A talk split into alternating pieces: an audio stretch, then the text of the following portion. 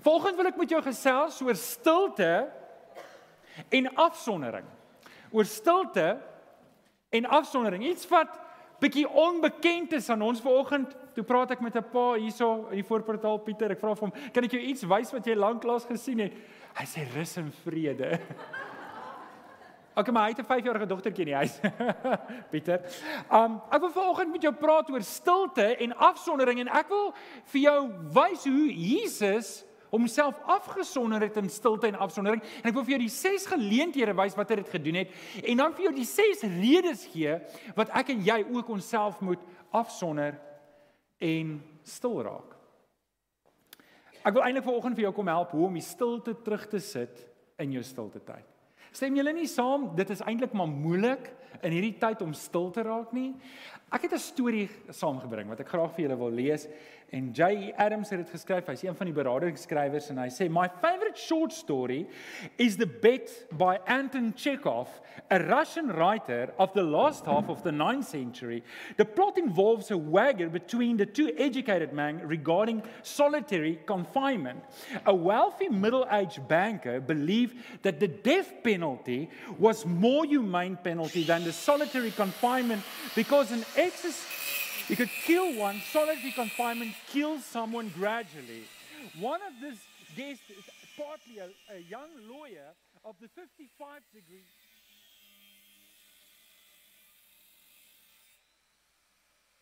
Dankie Chris. Ag gee vir my lekker hande klap toe. Jy kan hierdie net hier los so. is dit nie so dat ons lewe net eenvoudig vol van geraas is nie? Het jy dit al beleef? En die geraas is nie net wendig ekstern nie, dis hier in my kop. Wie van julle beleef het my beste intensie om stilte tyd te hou? En is hierdie gedruis en hierdie gesuis in my kop want ons is nie in die gewoonte om stil te raak nie? Wie van julle beleef dit so?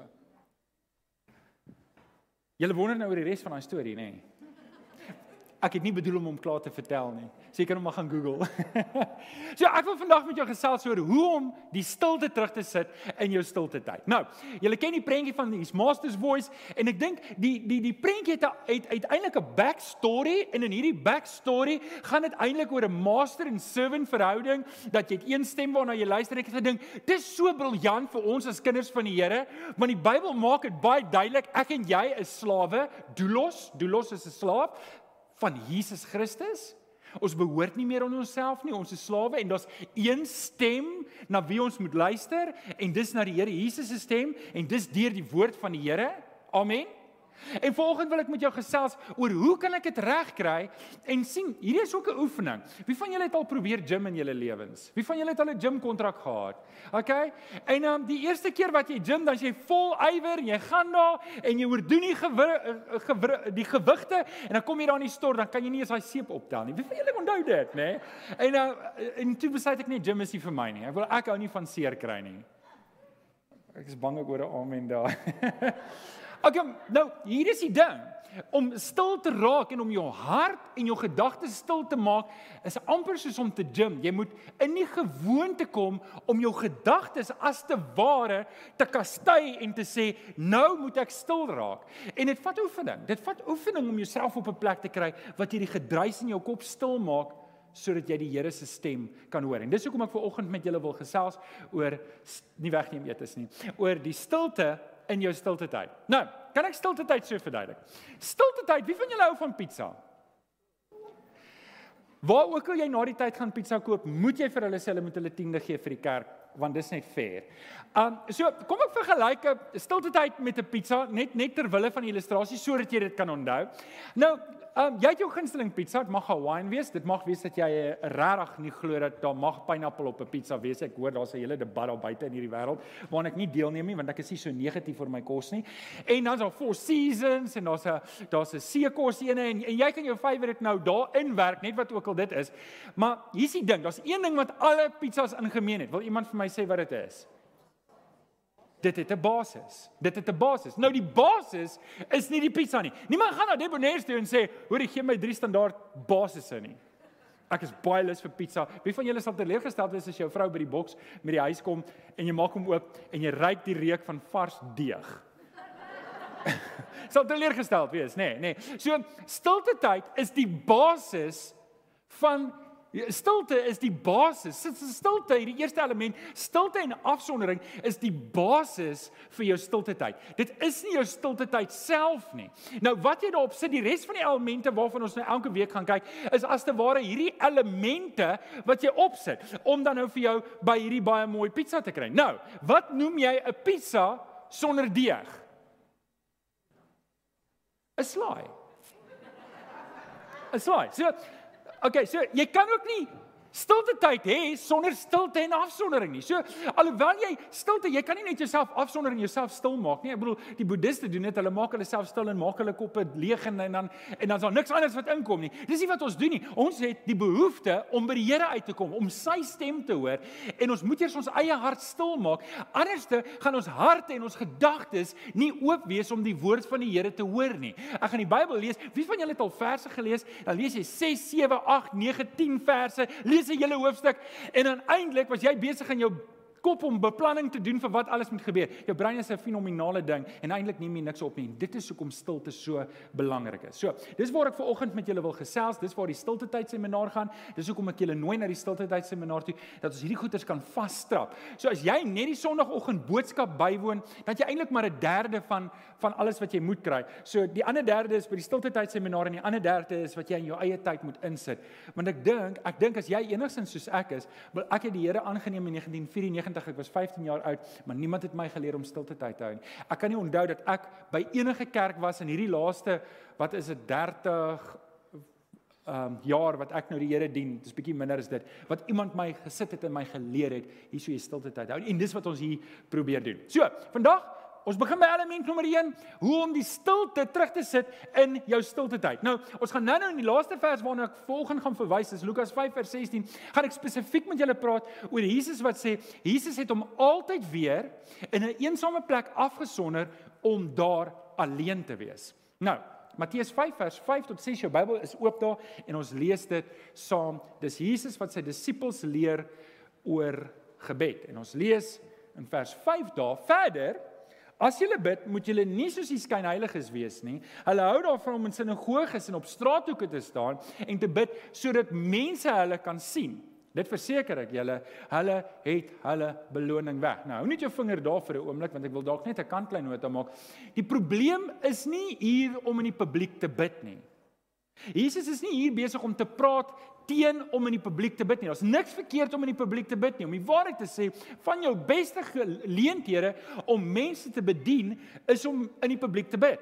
Jesus het hier 'n probleem met mense wat in die publiek bid sodat mense beïndruk met hulle moet wees. Sodat mense kan dink, "Wow, kyk hoe bid Johan. Kyk hoe bid Pieter of kyk hoe bid Tertius en kyk hierdie wonderlike mense. Ek sal nooit soos hulle wees nie." En Jesus maak dit baie duidelik, hierdie mense het hulle loon klaar weg. Nou lees ons verder. Nee, as jy bid, gaan na jou kamer toe.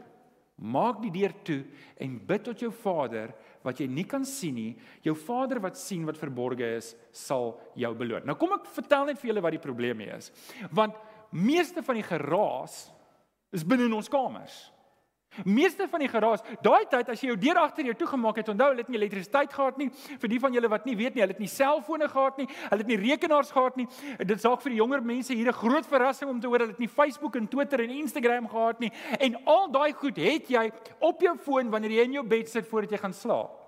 So wanneer Jesus sê gaan in jou binnekamer maak die deur toe, dan beteken dit sluit al hierdie goeters wat moontlik jou aandag kan aftrek om die stem van die Here te hoor, sluit dit uit. Maak jouself stil dat dit net jy en jou hemelse Vader is, sodat jou Vader een tot een tyd saam met jou kan hê. En as jy dit nie gaan doen nie en jy gaan op jou foon wees en jy's op Facebook en jy's op Twitter en jy's op Instagram, gaan jy dit alles mis. So vandag se terme sou dit wees as ek nou Jesus se woorde kan oorvertaal in 'n moderne konteks, gaan in jou kamer en sit jou foon op flight mode, gaan sit dit op die tuimeldroër en nie waar ook al jou tuimeldroër is. Kom in jou kamer in en sit alles af behalwe die krag want jy tog nou lig nodig om jou Bybel te lees en maak jou hart en gedagtes stil en kry gereed vir 'n ontmoeting met die Vader. En dis die element waar ons ver oggend praat. Hoe om die stilte tyd, hoe om die stilte terug te sit in jou stilte tyd. Ek wil net kyk, is almal by? Ons praat vandag oor element nommer 1, die stilte in jou stilte tyd. Is almal by? Op hierdie geleentheid wil ek net eers kans gee, haal almal gou-gou diep asems. Jy kan net jou masker so trek, haal diep asem. Ek het nodig dat daar nuwe vars suurstof in jou longe is sodat jy kan konsentreer. Hier ses geleenthede waar Jesus homself afgesonder het. Ses redes hoekom ons onsself ook moet afsonder. Is jy reg hiervoor? Die van julle wat notas maak, warm julle penne op. Hier gaan ons. Nommer 1. Jesus sonder hom af. Jesus het hom afgesonder voordat hy 'n groot taak aangepak het.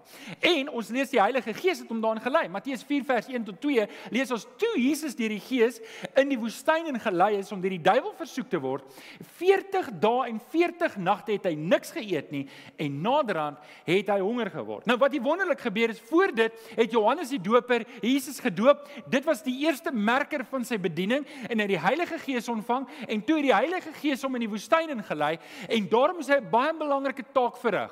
Hy moes as te ware die duiwel 'n bloedneus gee. Sien die duiwel het baie voortvarend na hom toe gekom eers na hierdie vers toe Jesus reeds honger was en julle ken die versoekings wat hy gedoen het. Hy het hom kom versoek met kos, met mag en met gesag en om hom te aanbid. En en hierdie was die drie areas waarop Jesus versoek was en sou Jesus daar val, sou Jesus 'n sondaar wees net soos ek en jy. En Jesus het oorwinning daar gekry of meer het hy sy oorwinning oorwinning aangekondig daar en Satan kon hom nie van stryd bring nie want Jesus is werklik die seun van God. Jesus het as oorwinnaar daar uitgestap. Maar wat belangrik is is Jesus het hom afgesonder. Die Heilige Gees het hom afgesonder. En hier's dalk twee belangrike goed wat ons hier kan neem en kom ek kom ek keer jou net gou-gou voordat jy dink jy moet vir 40 dae gaan vas. Um dis nie iets wat ek en jy op eie inisiatief doen nie. Daar's net 4 mense in die Bybel wat ek kon raak lees wat 40 dae en 40 nagte gevas het. Eerstens was dit Moses en hy was saam met die Here op die berg. Toe was dit Joshua en toe was dit Elia en nou is dit Jesus. En al vier van hulle het 'n bonatuurlike krag gehad van die Here om dit te doen. Hulle het nie gedoen op hulle eie keuse nie. Hulle het gedoen op God se inisiatief. So asseblief moenie vir 40 dae en 40 nagte gaan vas nie, okay? Okay, want ek wil nou nie hê een van julle moet omkap en iets oorkom nie. Maar dit gesê, wat hier soos 'n paal bo water staan is Jesus was heeltemal alleen. Dit was net hy en die Heilige Gees. En dan kom 'n tyd wanneer ek en jy ons harte voorberei vir 'n groot taak en hierdie was 'n roeping wat ons onsself moet afsonder. En hier sit 'n paar van julle wat 'n roeping het in die Here maar jy leef dit nie uit nie. Hier is 'n paar van julle wat 'n roeping het in die Here, maar het nog nooit lank stil gaan sit by die Here om te hoor wat die Here se plan is vir jou nie. So, die eerste plek wat ons moet verstaan is dis nou 'n prentjie eintlik oor die woestyn wat ek nou-nou oor moes praat, maar ek wou sommer net vir julle wys, dis nie enige woestyn nie, dis die Judeaanse woestyn waar Jesus versoek is. As jy mooi kyk, daai wat lyk soos 'n riviertjie, is 'n pad. 'n droë pad is nie water nie. Maar okay, ons is verby daai punt. Ek wil met hierdie ene oor julle praat. En dit is dat baie keer is daar 'n groot struikelblok in jou pad. Baie keer is daar 'n groot struikelblok in jou pad en jy sit dalk nou in jou lewe en ons 'n groot struikelblok en jy kry nie deurbraak nie. Dalk is dit tyd dat jy by die Here moet gaan sit en stil raak. Lank en diep stil raak voor die Here vir die Here om vir jou te wys wat die pad vorentoe. Partykeer is die pad nie deur die struikelblok nie, maar om die struikelblok. En ek en jy het nodig om by die Here uit te kom om dit te hoor. Hier's 'n paar van ons wat dalk sukkel met sonde in ons lewe. Jy sit hierso en is 'n sonde wat jy geheim hou. Ek luister 'n ou vir gister hy hy sê in sy mentorskapverhouding het hy 'n vraag wat aan hom gevra word. Sy mentor vra vir hom hierdie vraag en dis hoe die gesprek begin. Wat 'n vraag is jy ongemaklik en hoop jy ek gaan jou nie vra vanoggend nie? Ek dink dit is 'n briljante vraag. Met ander woorde, kom ons sê ek en jy staan hier voor die tyd en ons drink koffie en wa, oh, sorry daaroor, daar's nie koffie nie.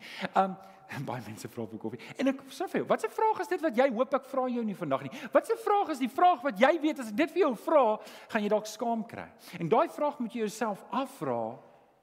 En dit moet jy voor die Here bring om te sê Here, hoekom het ek nog nie gedeel hiermee nie? Hoekom sit ek met hierdie sonde? Hoekom sit ek vasgevang? Want weet jy wat? Hier is die belangrike ding wat ek wil hê jy moet weet is. Nie net behoort jy nie te sukkel en voort te ploeter in sonde nie. Maar jy hoef nie. Jy kan oorwinning kry. Christus het aan die kruis gesterf sodat ek en jy oorwinning kan kry in hom oor sonde. En dalk sit jy hier en jy worstel, maar dit is 'n geheim en jy vertel van niemand nie. Is dalk tyd dat jy moet stil word voor die Here en met die Here gaan praat oor daai ding om oorwinning te kry. Sê net vir die ou langs aan, jou oorwinning is in Jesus Christus. OK. Nommer 2. Nommer 2. Die tweede geleentheid wat Jesus homself afgesonder het is Jesus het homself afgesonder voor belangrike besluite. Nie net het hy hom afgesonder voordat hy 'n groot taak moes aanpak nie, maar hy het hom ook afgesonder voor 'n groot besluite. In hierdie in hierdie gedeelte in Lukas 6 vers 12 tot 13 lees ons in daardie tyd het Jesus aangegaan na die berg toe om daar te bid en die hele nag deurgebring. Het julle dit? Hy deur die hele nag het Jesus gebid, nê, nee, op die berg. In vers 13 lees ons: "Toe dit dag word, so hy deur hy deernag gebid, het hy sy disippels nader geroep en 12 van hulle uitget kies en hy het hulle ook apostels genoem. So hier's wat gebeur is. Jesus het begin nadat hy van die berg af kom, nadat hy deur die deur die um duiwel versoek was, het hy begin en hy het begin wonderwerke doen en 'n klomp mense het hom begin volg en Hier kry ons in Lukas, Jesus het deernag gebid en hy volgende oggend het hy al die mense wat hom so gevolg het, het hy 12 uit gaan soek om hom te volg. En hy, dit was sy disippels, dit was die apostels wat die pad moes verder vat. Weet jy baie keer nê, nee, dink ek ons sukkel met ons besluitneming omdat ons nie lank genoeg stil word voor die Here nie. Spreuke 3 vers 3 tot 4 5 en 6 sê ken hom in alles wat jy doen en hy sal jou op die regte pad laat loop. Kan almal net gou saam sê regte pad? OK?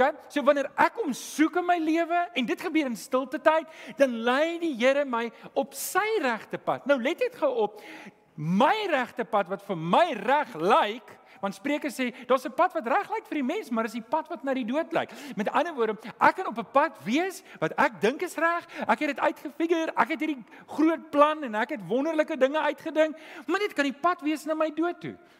Dis hoekom stilte tyd nodig is om my planne voor die Here te lê en te sê Here, wys vir my die regte pad. Moenie besluite neem voordat jy dit nie by die Here uitgeklaar het nie, want jy jy wil nie foute maak nie. Jy wil nie foute maak en besluite neem, 'n verkeerde huweliksmaat kies, 'n verkeerde finansiële besluit neem, 'n verkeerde kom by die Here, kom by die Here in jou stilte tyd en klaar daai goed uit soos wat Jesus 'n hele nag deur lank gebid het voordat hy sy disippels gekies het. Derde geleentheid. Jesus het homself afgesonder na tyd van harde werk. Hy het hom afgesonder na eh, om te rehabiliteer en om sy kragte weer te kry en hy het dit gedoen met die disippels ook. Markus 6 vers 31 sê, daar was 'n tyd, oh, daar was baie mense wat gedurende gekom het en gegaan het sodat Jesus en sy disippels selfs nie 'n kans gehad het om iets te eet nie. Hy sê toe vir hulle, kom julle alleen saam met my na 'n stil plek toe en rus 'n bietjie. Hier is eintlik wonderlik van Jesus. Jesus ken die behoeftes van sy disippels. Jesus ken jou behoeftes. En wat het gebeur het net voor dit, het Jesus 'n hele hoofstuk waar hy die disippels 2-2 uitgestuur het na al die dorpe en hulle moes mense siek die siekes gesond maak. Hulle het duiwels uitgedryf en hulle kom terug en hulle is baie opgewonde en hulle vertel vir die Here, Here selfs die duiwels het na ons geluister. En dit was hierdie opgewonde tyd vir hulle, maar die mense het bly om hulle lastig te val. Hulle het nie eers kans gehad om te eet nie. Wie van julle was al so besig in julle lewe? Jy het nie eers kans om te eet nie. Jy, jy jy moet net die volgende ding doen. Dis net weer die volgende ding. En hier sit 'n paar van julle wat so naby is aan uitbranding. Jy's moeg. Jy's uitgeput. Jy's oorlaai. Jy's oorwerk. En wanneer jy stil raak voor die Here, dan is daar niks nie. Jy's leeg. Jou bronne is uitgeput. Jy gaan jy's net pê. Jy's kapot en jy het niks om te gee daar nie. En en en die Here weet dit. En dis wat Jesus met sy disippels doen. Maar die ding is net ouens en hierdie is 'n belangrike ding. Ek kan nie gaan rus elke keer net wanneer ek moeg is nie. Ek moet dit gereeld instel in my lewe. Ek moet gereeld my batterye raai. As jy wag, hoor gou mooi en hierdie is 'n belangrike ding. As jy wag totdat jy uitbrand, is jy nie verantwoordelik teenoor die liggaam, die tempel wat die Here vir jou gegee het nie. As jy wag dat jy uitbrand voordat jy begin om te rus, Dis nie wat die Here vir jou wil hê nie. Dan vat jy soveel langer om te herstel en jy soveel soveel stikkende en die lelike deel. Wie van julle het al agtergekom hoe kan jy snap as jy as jy as jy moeg is? Kom julle agter? Ek weet nie, ek weet nie of Chris is wat die storie voor voor die tyd vir my vertel het nie, maar hy sê dit is Chris. Chris vertel my hierdie storie van hierdie man wat uh, hy wil sy vrou het hom gevra om die gloeilamp te vervang en hy kom en hy wil uit die kas uit die gloeilamp kry. Toe by die kas kom, toe is die kas steek hy vas. Hy kyk toe, hy sien hy kort 'n skroef en 'n skroewedraaier. Hy besef hy het nie skroewe nie. Hy gaan na die kar toe om in die kar te klim om om braaisel te gaan om skroewe te koop en toe hy daar kom, toe wil die kar nie vat nie en hy kyk toe toe sien hy nee, maar daar's 'n olie lek en hy kry toe olie en sy vrou kom by die huis en sê: "Man, wanneer vervang jy nou die lig?" En hy vererg hom. Hy sê, "Kan jy nie niks besig nie?" nou okay. Dis vir my, ek het gedink, is snaaks. En en dis wat met jou gebeur. Dis wat met jou gebeur wanneer jy nie reserves het nie. Jy's op daai punt van breek. En as jy daar's nou, moet jy weet, jy moet jouself eenkant kry saam met die Here en jy moet daai batterye herlaai kry. Onthou, wie die Sabbat ingestel? God het. En wat sê Jesus? Die Sabbat is vir die mens, die mens is nie vir die Sabbat nie. Hoekom het God die Sabbat ingestel? Vir die mens om te rus. En hier is die geheim. Waar kry jy jou beste rus? By die see? Met 'n boogieboard? Dis wanneer jy jou vingers breek, hoor, ek wil net vir jou waarsku. um nee, jy kry jou beste rus wanneer jy in die teenwoordigheid van die Here is. Dankie vir daai amen. OK, geleentheid nommer 4. Geleentheid geleentheid nommer 4 wanneer Jesus homself afgesonder het. So Jesus het homself afgesonder voor hierdie groot taak. Hy het hom afgesonder voor groot besluite. Hy het homself afgesonder toe hy moeg was en sy disippels toe hy hard gewerk het, maar Jesus het homself ook afgesonder vir 'n tyd van rou. En ek dink hier is een van die goed wat ons mis. Ons mis dit. Ons lees in Matteus 14 vers 12 tot 13, sy disippels, dis nou Johannes die Doper se disippels, sy disippels het sy liggaam kom haal en begrawe. En hulle het dit vir Jesus gaan vertel en toe Jesus dit hoor, hoor nou mooi, het hy met 'n skyk daarvandaan weggegaan na 'n stil plek toe om wat te wees alleen te wees. Nou kom ek vertel jou net gou-gou wat hier gebeur in hierdie verse dat jy net verstaan. So, julle ken almal die naam Herodes, maar daar was 'n klomp Herodese. So Herodes Antipas het gehou van sy broer Herodes Filippus se vrou. Maar hy het 'n probleem gehad. Herodes Filippus se vrou was soos Herodin, dink ek was haar naam, was reeds getroud met sy broer. So wat hy te doen is, hy skei toe sy vrou en hy gaan toe na haar toe en hy sê: "Skei my broer en dan kom trou jy met my." Klink dit nie so sewende laan nie? En dan um, so gesê, so gedaan, maar Johannes die Doper was vriende gewees met Herodes Antipas. En hy sê toe vir Herodes Antipas, hierdie ding wat jy nou doen, is verkeerd in die oë van die Here. En wat Herodes Antipas te doen, hy's baie kwaad en hy gooi toe vir Johannes die Doper in die tronk. En een aand toe het hy hierdie groot partytjie en hy nooi hierdie vrou wat hy nou wil neem as sy vrou en en sy dans so mooi en hy soeg jy weet mans nê nee, kan so dom wees as dit by vrouens kom. Dis snaaks hulle verloor alle verstand en hy sê, "Luister, ek gee vir jou enigiets. Jy's so mooi. Ek is so verlief. Ek kan nie myself nie help nie. Enigiets wat jy vra sal ek vir jou gee." Net die feit dat sy gevra het vir Johannes die Doper se kop op 'n skinkbord sou gemaak het dat ek tweede kans. As hy dit kan doen, wat kan sy met jou doen? Ek bedoel ek sou dit as 'n warning sign gevat het. Ek weet nie mans wie van julle stem saam. Ek bedoel, ek weet nie van jou nie, my verliefdheid is net daai uit die deur uit en ek is kort op my verliefdheidsake. nou, dis die agterstorie hierso, maar nou so, okay. Johannes die Doper is dood, sy kop is afgekap. Ek wou 'n foto opgesit het van 'n maar ek weet jy gaan kinders wees, so toe doen ek dit nou nie, maar jy kan self gaan kyk vir daai prentjies. Um, so, Johannes die Doper en Jesus het 'n spesiale verhouding gehad. In dit dat hulle was familie gewees. Hulle was soos neefies gewees, so hulle het mekaar goed geken, maar nie net dit nie, wel hulle het mekaar nie so goed geken nie, maar hulle was goed bewus van mekaar, maar meer is dit, Johannes die Doper was Jesus se voorganger. Hy is die stem wat in die woestyn gegaan het wat gesê het, maak die pad reg vir die Here wat kom. Hy is die een wat in Johannes 3 vers 3 gesê het, my bediening moet minder word en Jesus se bediening moet meer word. Hy is die een wat daai gedoen het. So nie net was hulle familie op 'n of ander manier nie, maar ook was Johannes die Doper Jesus se voorganger. En toe Johannes die Doper doodgemaak is en Jesus hoor dit, toe gaan sonder homself af. Hy gaan rou. Johannes 11 vers 35 lees ons en hierdie was met Lazarus se dood, lees ons en Jesus het ge Jesus het gehuil. Nou, Jesus was 33 jaar oud daar. Nou, ek weet nie van julle nie, maar ouer jy word, weet jy as jy klein is, 'n seentjie, dan huil jy maklik, want jy kom agter jy maak jou ma se hart sag en dan huil jy maklik. Maar nou, weet jy, dan soos jy ouer word, dan droog jou traankliere op en 'n man tussen 30 en 40 huil die minste. Maar ek hoor hier na 60 gaan begin jy weer huil. Mans, is dit so na 60? Dan is jy weer well connected met daai traankliere van jou, hulle kan weer huil. Jesus was 33 en hy het gehuil. Hy het gehuil. Hy het homself eenkant gevat. Ouens, hier's 'n paar van julle wat regtig deur groot, groot, groot rou goed gegaan. Jy het 'n ma verloor, jy het 'n pa verloor, jy het dalk 'n broer verloor, jy het 'n sussie verloor, jy het dalk 'n kind verloor. Jy het dalk 'n groot werkskrisis deurgegaan en jy's deur rou, maar jy moet net opstaan en aangaan want ons is mos cowboys don't cry. Groot manne, ons huil nie. Ons is sterk vroue, ons huil nie. Ons gaan en iewers binne in jou is daar 'n klein seentjie of 'n klein dogtertjie wat graag wil huil en graag net 'n bietjie hartseer wil wees. En ek wil net vir jou sê jy doen jouself negens Deur om net aan te gaan en aan te gaan en aan te gaan en aan te gaan en te maak asof alles oukei okay is en net te sê maar weet jy wat en jy stoomrol net deur die lewe en jy gaan net aan nie. Daai goed vang jou later aan op en dit doen skade aan jou. As jy nog nie op 'n punt gekom het om behoorlik te rou oor dit wat jy moes rou nie, dan moet jy vir jouself sê ek moet iemand dalk gaan sien. En weet julle, ek is so dankbaar vir Domie Chris wat op die span is want hy is hier. Hy is tot jou beskikking en jy moet hom kom sien as jy weet daar's goed wat jou terughou want weet julle ons raak Engelse woord is emotionally numb. Ons raak afgestomp in ons lewe emosioneel as ons hierdie goeters doen en dit dit doen skade op ander plekke. Daai goed spring op ander plekke uit. Kom ons volg Jesus se voorbeeld. Jesus het toe gehoor het van Johannes die Doper, het homself eenkant gevat om deur dit te gaan. Kyk, nommer 5. Ek het net 6. 5. Jesus het homself afgesonder in 'n tyd van nood in 'n tyd van nood. So hy het hom afgesonder vir 'n tyd van rou, maar hier is nood. Hy's in die middel van dit. Hy's in die middel van dit. En ons lees dit in Lukas 22 vers 40 tot 41. Toe hy op 'n plek aankom, dis is saam met sy disippels. Hy, hy hy het nou net nagmaal bedien. Hy hy het voor dit die disippels se voete gewas. Hy het aangekondig hoe hy gaan sterf, hy gaan gekruisig word. En toe vat hy sy disippels. Hy vat net hy vat net 3, Johannes, Jakobus en Petrus saam met hom en hy vat hulle na die tuin van Getsemane en hy sê vir hulle en ons lees daar in vers um, hy sê toe vir hulle in vers 40 bid dat julle nie in die versoeking kom nie. En hy het hom toe van hulle af wat gedoen? Afgesonder omtrent so ver soos wat 'n mens 'n klip kan gooi en daar het hy gekniel en gebid.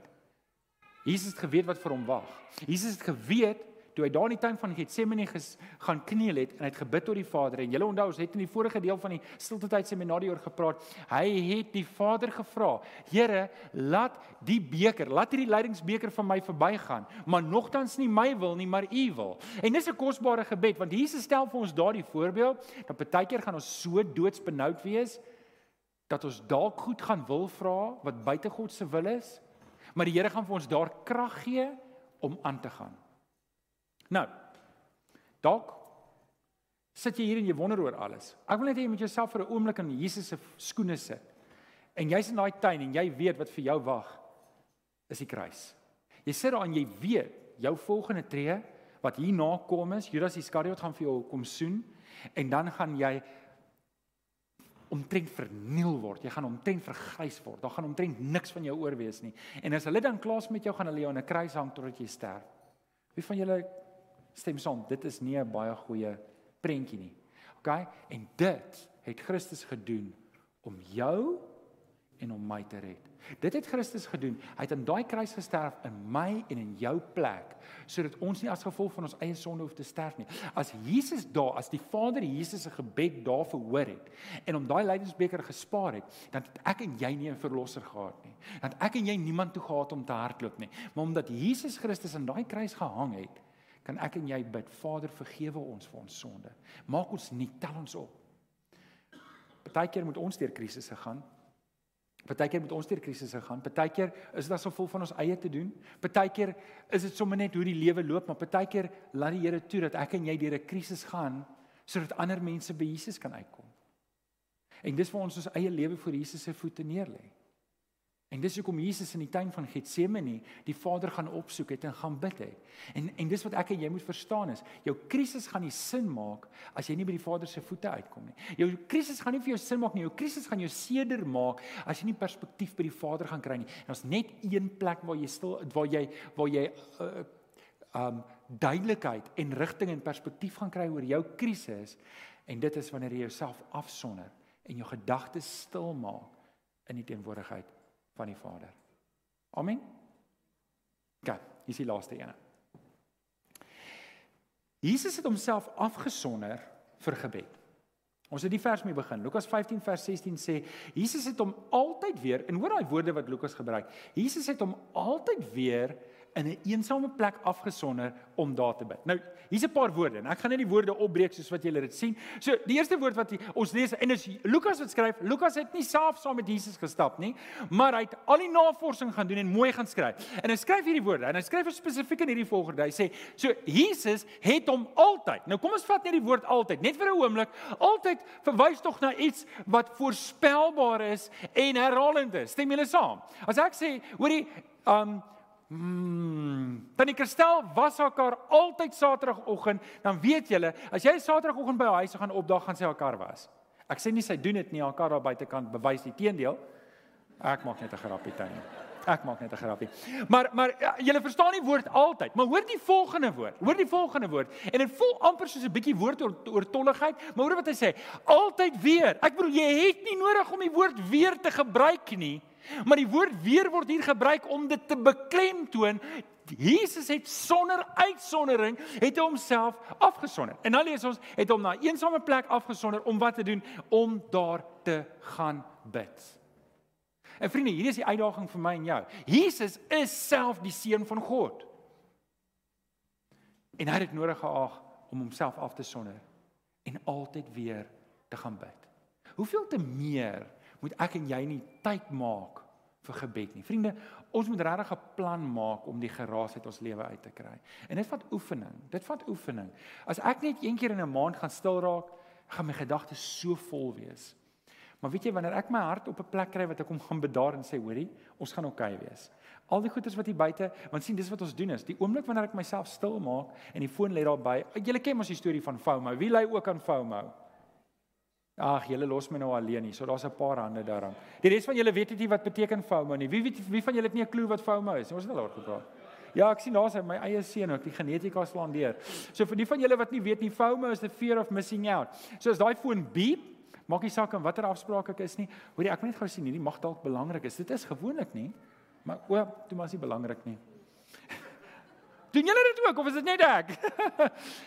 en en so jou brein gaan daai ding in jou bly verkoop. Ja, maar jy kan nie mis nie, jy kan nie mis nie. Jy moet jy moet heeltyd op datum wees. Nuus toe nie voor jy moet weet wat aangaan. Weet jy wat? Hoor gou-gou mooi, hoor gou-gou mooi. Die feit dat jy nie die nuus lees nie, gaan nie maak dat dit ophou gebeur nie. OK? So Wees nou rustig daaroor. Die nuus gaan aangaan, wêreldgebeure gaan aangaan. As jy dit vir 'n halfuur in die oggend nie lees nie, die wêreld gaan nie uitmekaar val nie. En as dit doen, is jy veilig, jy's by die Here, OK?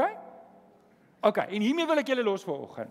En dis die uitdaging om stil te raak by die Here. Nou, om stil te raak by die Here is nie stilte tyd in itself nie. Dis een komponent. Maar is 'n geweldige belangrike komponent. Dis die basis. Die ander elemente sit jy op hierdie basis, Bybel lees, gebed, al hierdie ander elemente sit jy bo op hierdie basis sodat dit 'n heerlike dis is. Is jy ook nou honger? Ek ook. OK. Ek wil afsluit met hierdie gedagte. Vriende, Ons roeping is om disippels van Jesus te wees sodat ons disipel van Jesus kan maak. Maar wanneer my eie tank so leeg is, dan is ek maar net 'n ou wat swem om self kop bo water te hou. En en ek sê dit nie om om jou by te kom of om jou met 'n stok te slaan nie, maar ek sien baie gelowiges vandag, hulle is so so besig in hulle lewe, hulle het geen reserve om vir Jesus te leef nie. Hulle het geen reserve om vir God te leef nie. En dalk is dit jy vir oggend. En ek wil vir jou 'n geleentheid gee vir oggend om te sê, Here, my lewe is so besig, maar ek wil weer by U uitkom. En ek gaan vir jou geleentheid gee om om om volgende toewyding te maak, deur om op te staan te sê, Here, kom help my Ek wil die stilte terugsit in my stilte tyd. Ek wil my hart, my gedagtes stil maak in U teenwoordigheid sodat ek weer die stem kan hoor. Kan ek jou vanoggend vra, het jy behoefte om die Here se stem te hoor in jou lewe? Het jy ook vanoggend 'n behoefte om werklik 'n ontmoeting met die Vader te hê? Ek gaan vir jou kans gee om te reageer, maar kom ons bid eers saam. Vader, in hierdie oggend kom dank ek U Here dat dat U 'n pa is wat toe die verlore seun weg is het die pa gestaan en wag dat sy seun moet terugkom. En Here, ek weet hier's 'n paar van ons wat so besig was. En ons het gedog dit gaan net vir hierdie projek wees, dalk net vir hierdie jaar. Dis dit 2 jaar, dis dit 5 jaar, dis dit 10 jaar. Hier's 'n paar van ons wat so besig is, ons ons maak net nie tyd nie en ons wil vanoggend terugkom. Ek wil vanoggend vra Here dat dat dat U ons kom ontmoet, Here. Dat U ons kom ontmoet waar ons is en Here dat U hierdie poging wat ons ver oggend aanwet sal aanvaar as 'n offer. Ek wil ver oggend spesiaal vir jou bid en as jy ver oggend hier sit en sê ek het on, ek het behoefte aan 'n ontmoeting met die Vader ver Ek wil weer die stilte in my stilte tyd terugsit wil ek jou uitdaag om op te staan net daar jy is want ek wil vir jou bid. As jy volgende sê ek het daai behoefte om net weer ontmoeting te hê met die Vader, ek weet my volgende stap is om my stilte terug te sit in my stilte tyd. Dankie julle.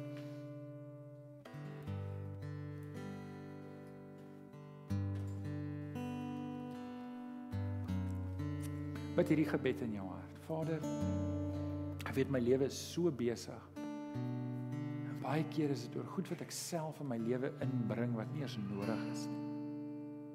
En Vader, ek het so gewoond geraak om besig te wees dat ek al die tyd wat ek saam met U kon spandeer, het ek weggegee. En ek kom bely dit ver oggend. Kom vra vergifnis. Maar kom help my Here om dit reg te maak. Dat ek weer soos wat Jesus die voorbeeld stel, net by U voete kom sit om U te ontmoet. Here kom seën ons, ons is hier, ons wil aanbid. Ons bring U lof en eer aan U, Here. In Jesus naam. Die kinders van die Here sê Amen. Kom ons staan en sing as jy volgende week. Dankie.